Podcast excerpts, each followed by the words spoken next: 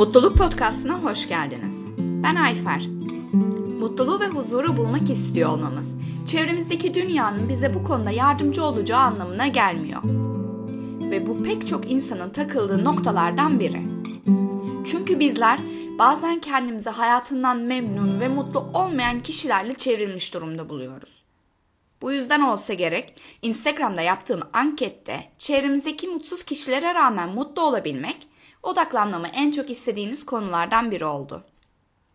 Mutlu olmaya yatkın dahi olsak, mutsuz bir çevrenin içinde yer almak ya da sürekli olumsuzluklarla karşılaşmak bizi sabırsız ve kızgın birine dönüştürüyor olabilir. İş hayatı buna verilebilecek örneklerden biri. Bazen işimiz çok ağır ve stresli olabiliyor. Ya da çalışma ortamımızdaki kişiler mutsuz ve memnuniyetsiz kişilerden oluşuyor. Özel hayatımızda da benzer bir durumla karşılaşabiliriz. Beraber olduğumuz kişi mükemmelliyetçi olmak gibi sebeplerden dolayı sürekli stresli, eleştirel olabilir. Hatta belki de bizler bu yüzden beraber olduğumuz kişinin aslında ilgisini çekmediğimizi, bizi pek fazla önemsemediğini düşünebiliriz ve bu da bizi etkileyecektir.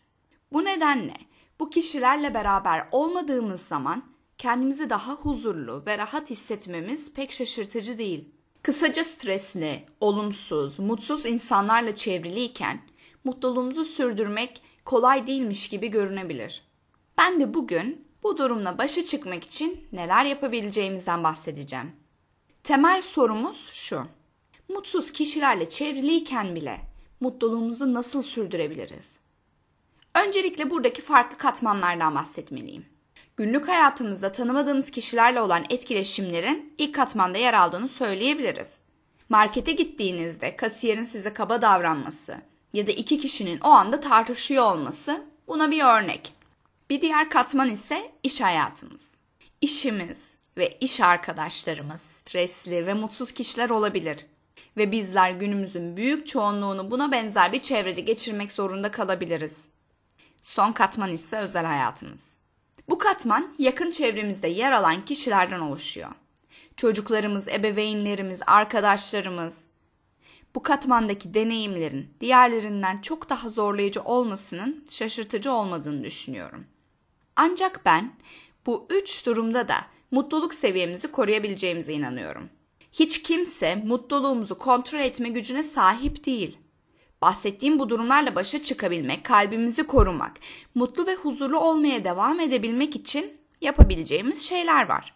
Anlamamız gereken şey, insanlar ne kadar kötü şeyler yapıyor olursa olsunlar, ne kadar olumsuz olursa olsunlar. Mutluluğumuz, mutlu olmak bizim kendi ellerimizde. Bu deneyimler bizi etkiliyor olabilir.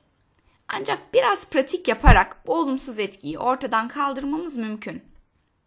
İlk katmanla başlayalım. Günlük yaşantımız. Düşünün ki alışverişe çıktınız. Ama gittiğiniz yer çok kalabalık. Ve bu durum bir süre sonra içinizi sıkmaya başlıyor.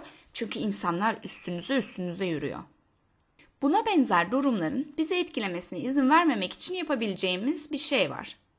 Düşünün ki sizi çevrenizde koruyan camdan bir balon var. Bunu hayal edin ve çevrenizde kim olursa olsun, çevrenizde neler olursa olsun, bu camdan balon dışınızdaki negatif şeylerin size ulaşmasını engelleyecektir. Bir başka yol ise kulaklığınıza takıp enerjinizi yükseltecek ve sizi mutlu edecek müzikler dinlemek. Bu da tıpkı o camdan balonun yarattığı etkiyi yaratacaktır. Elbette çevremizde bizim dışımızda hoş olmayan şeyler gelişiyor. Ve bu bahsettiğim yöntemleri kullanmak onlarla aramızda bir bariyer oluşturmamızı sağlayacak. Olumsuz ve canımızı sıkabilecek kişilerle olduğumuzda bu camdan balon sayesinde kendimizi koruyacağız. Pozitif ve bize kendimizi iyi hissettiren kişilerle beraberken ise o camdan balonu ortadan kaldırabiliriz. İşe ya da okula gittiğinizi düşünün. İster arabada ister otobüste olalım. Her durumda bir şeyleri dinleyebilme imkanımız var. İstersek müzik, istersek mutluluk podcastını dinleyebiliriz. Stresli ya da canımızı sıkacak şeyler dinlemek yerine neden bize kendimizi iyi hissettirecek şeyler dinlemeyelim ki? Dışımızda gelişen olayları elbette kontrol edemeyiz. Ama dışımızda olan şeylerin ne kadarının bize ulaşabileceğini ayarlamamız mümkün. Böylece hayatımızı güzel ve mutlu bir şekilde sürdürebileceğiz. Bizler bir şekilde kalbimizi korumak zorundayız. Bu bizim her zaman hayatın iyi, mutlu ve olumlu tarafında yer almamızı sağlayacak. Bu olumsuz durumları bir duman gibi düşünün. Çevremiz bu dumanla sarılı dahi olsa, sahip olduğumuz bariyer sayesinde bu dumanı görsek dahi içimize çekmemiş olacağız. Bu olumsuzlukların bize ulaşmasını engellemek için pratik yaptıkça bu konuda daha başarılı hale geleceğiz. Kontrolümüz artacak. İş yerimizdeki deneyimlerimiz için de aynı şey geçerli. Birisi için çalıştığımızda elbette sahip olduğumuz kontrol çok da fazla olmuyor. Ancak bir önceki bölümde de bahsettiğim gibi iş yerimizdeki ortamı kendimizi daha iyi hissetmemizi sağlayacak duruma getirebiliriz. Fotoğraflar, müzikler, daha olumlu tutumları olan iş arkadaşlarımızla zaman geçirmek. Tüm bunlar içinde bulunduğumuz durumu daha iyi hale getirecek. Eğer olumsuz bir sohbetin içindeysek, ister konuyu değiştiririz, istersek sohbete hiç dahil olmayız. O ortamdan uzaklaşmak ya da orada kalmak bizim tercihimiz. Elbette sohbetin konusu işle ilgili olduğunda oradan ayrılmamız mümkün değil. Ama aksi durumlarda bunu yapalım. Yapabileceğiniz bir başka şey ise yaşadığımız stresi eve getirmemek. İş çıkışında yapacağımız kısa bir yürüyüş bile deneyimlediğimiz bu stresi vücudumuzdan, sistemimizden atmamıza yardımcı olacak. Üçüncü katman ise daha önce de söylediğim gibi yakın ilişkilerimizi içeriyor. Yakın arkadaşlarımız, ebeveynlerimiz, eşimiz, çocuklarımız.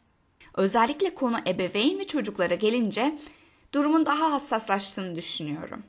Peki, yakın arkadaşlarımız ya da ailemizden kişiler mutsuz olduğunda sizce bizim de mi mutsuz olmamız gerekiyor? Bu sorunun cevabı hayır. Elbette karşımızdaki kişileri çok seviyoruz. Onlara karşı sevgi doluyuz. Onlar bizim hayatımızın bir parçası. Ancak bu onların içinde bulundukları olumsuzluğa katılmamız gerektiği anlamına gelmiyor. Onların içinde bulunduğu olumsuzluktan etkilenmemek için yapabileceğimiz şeyler var. İlk olarak sadece sessiz kalmak bize yardımcı olacaktır. Hayatımızda mutsuz olduğumuz ya da sürekli bir şeylerden şikayetçi olduğumuz bir dönem olmuştur belki. Veya çevremizde böyle dönemlerden geçen birileriyle beraber zaman geçirmişizdir. Böyle durumlarda sessiz kalmak, onları kendimizce düzeltmeye çalışmamak faydalı bir yol. Böylece anlamsız tartışmalardan uzak durmuş ve karşımızdaki kişiye de ihtiyaçları olan alanı vermiş oluruz. Bir diğer seçenek ise o ortamdan ayrılmak. Yani bizi olumsuz etkileyecek konuşmalar başladığında o ortamı terk etmek. Bu kendimizi korumamızı sağlayacak. Bu sayede aslında o çok sevdiğimiz kişilere de bunun bize göre olmadığını, bu konuda onlara katılmadığımız mesajını vermiş olacağız. Bu kişiler bu sayede daha pozitif olmaları gerektiğini bile anlayabilirler. Bu tarz bir tepki onları terk ettiğimiz, onları yüzüstü bıraktığımız ya da onları önemsemediğimiz anlamına kesinlikle gelmiyor. Bizler sadece içinde bulunduğumuz duruma bir ara vermiş oluyoruz. Örneğin eşinizle sırf bu mutsuz, olumsuz tavırları yüzünden ayrılmayı düşünüyorsunuz diyelim. Ondan tamamen ayrılmak yerine sadece sizi olumsuz etkilediği durumlarda ondan uzaklaşmayı deneyebilirsiniz. Elbette geri döneceksiniz. Ancak o anın sizi daha mutsuz edeceğini düşündüğünüz için oradan uzaklaşmış oluyorsunuz. Bu yöntemin %100 işe yarayacağını söylemiyorum. Çünkü böyle bir tepki ileride daha büyük ayrılıklara da yol açabilir.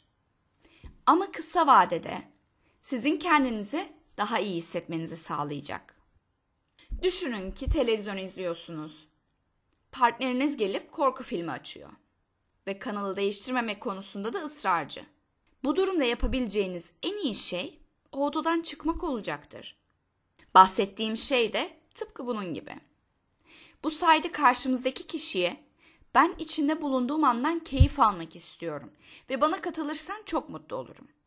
Ancak eğer sürekli olumsuz olacaksan o zaman zamanımı farklı bir şekilde değerlendirmeyi tercih ederim. Mesajını vermiş oluruz. Aile ziyaretlerini düşünün.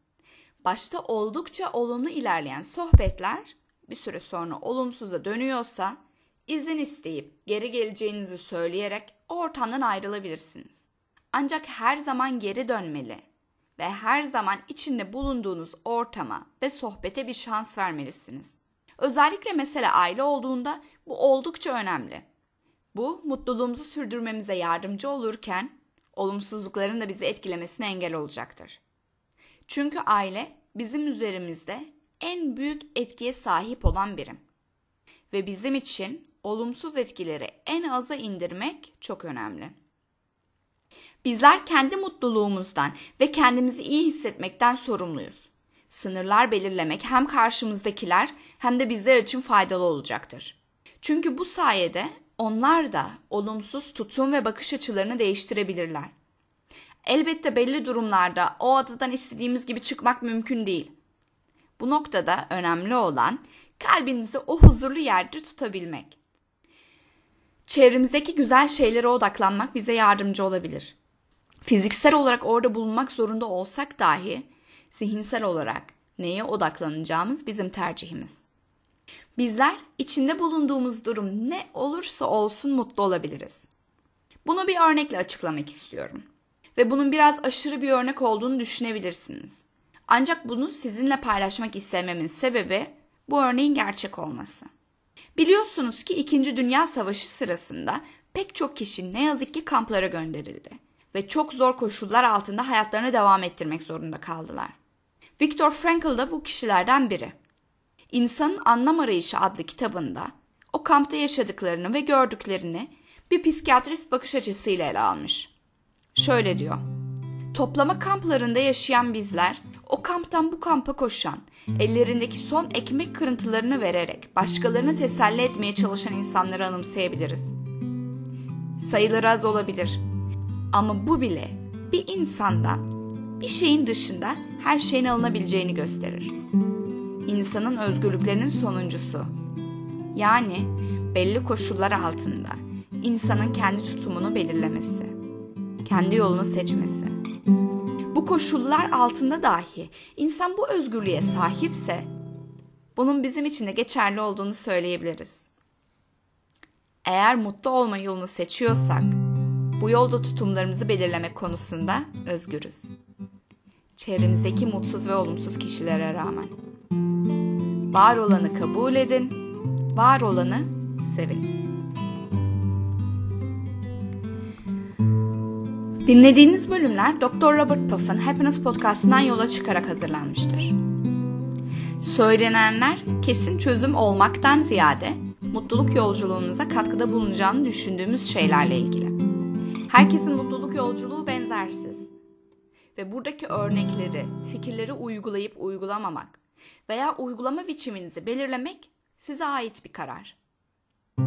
Eğer Dr. Robert Puff'ın podcastları, blogları ya da kitapları hakkında ya da benim hakkımda daha fazla şey öğrenmek isterseniz açıklamadaki linklere tıklayabilirsiniz.